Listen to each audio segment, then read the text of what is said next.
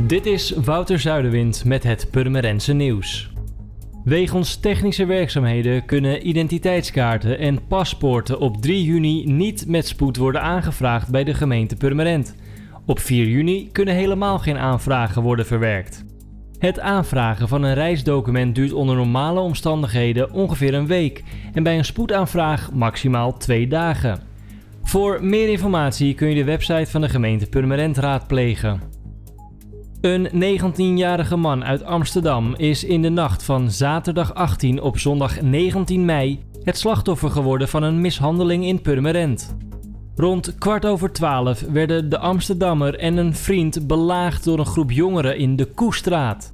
Getuigen kunnen contact opnemen met de politie op telefoonnummer 0900 8844 of anoniem via 0800 7000.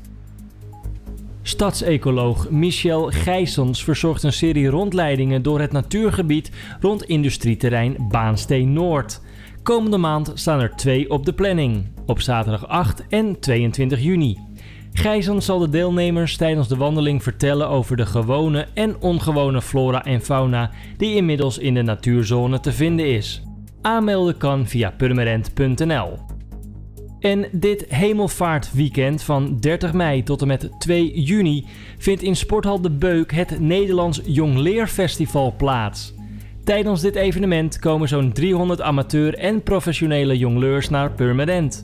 Op zaterdag 1 juni trekt een groot aantal jongleurs in een parade van De Beuk naar de Koemarkt.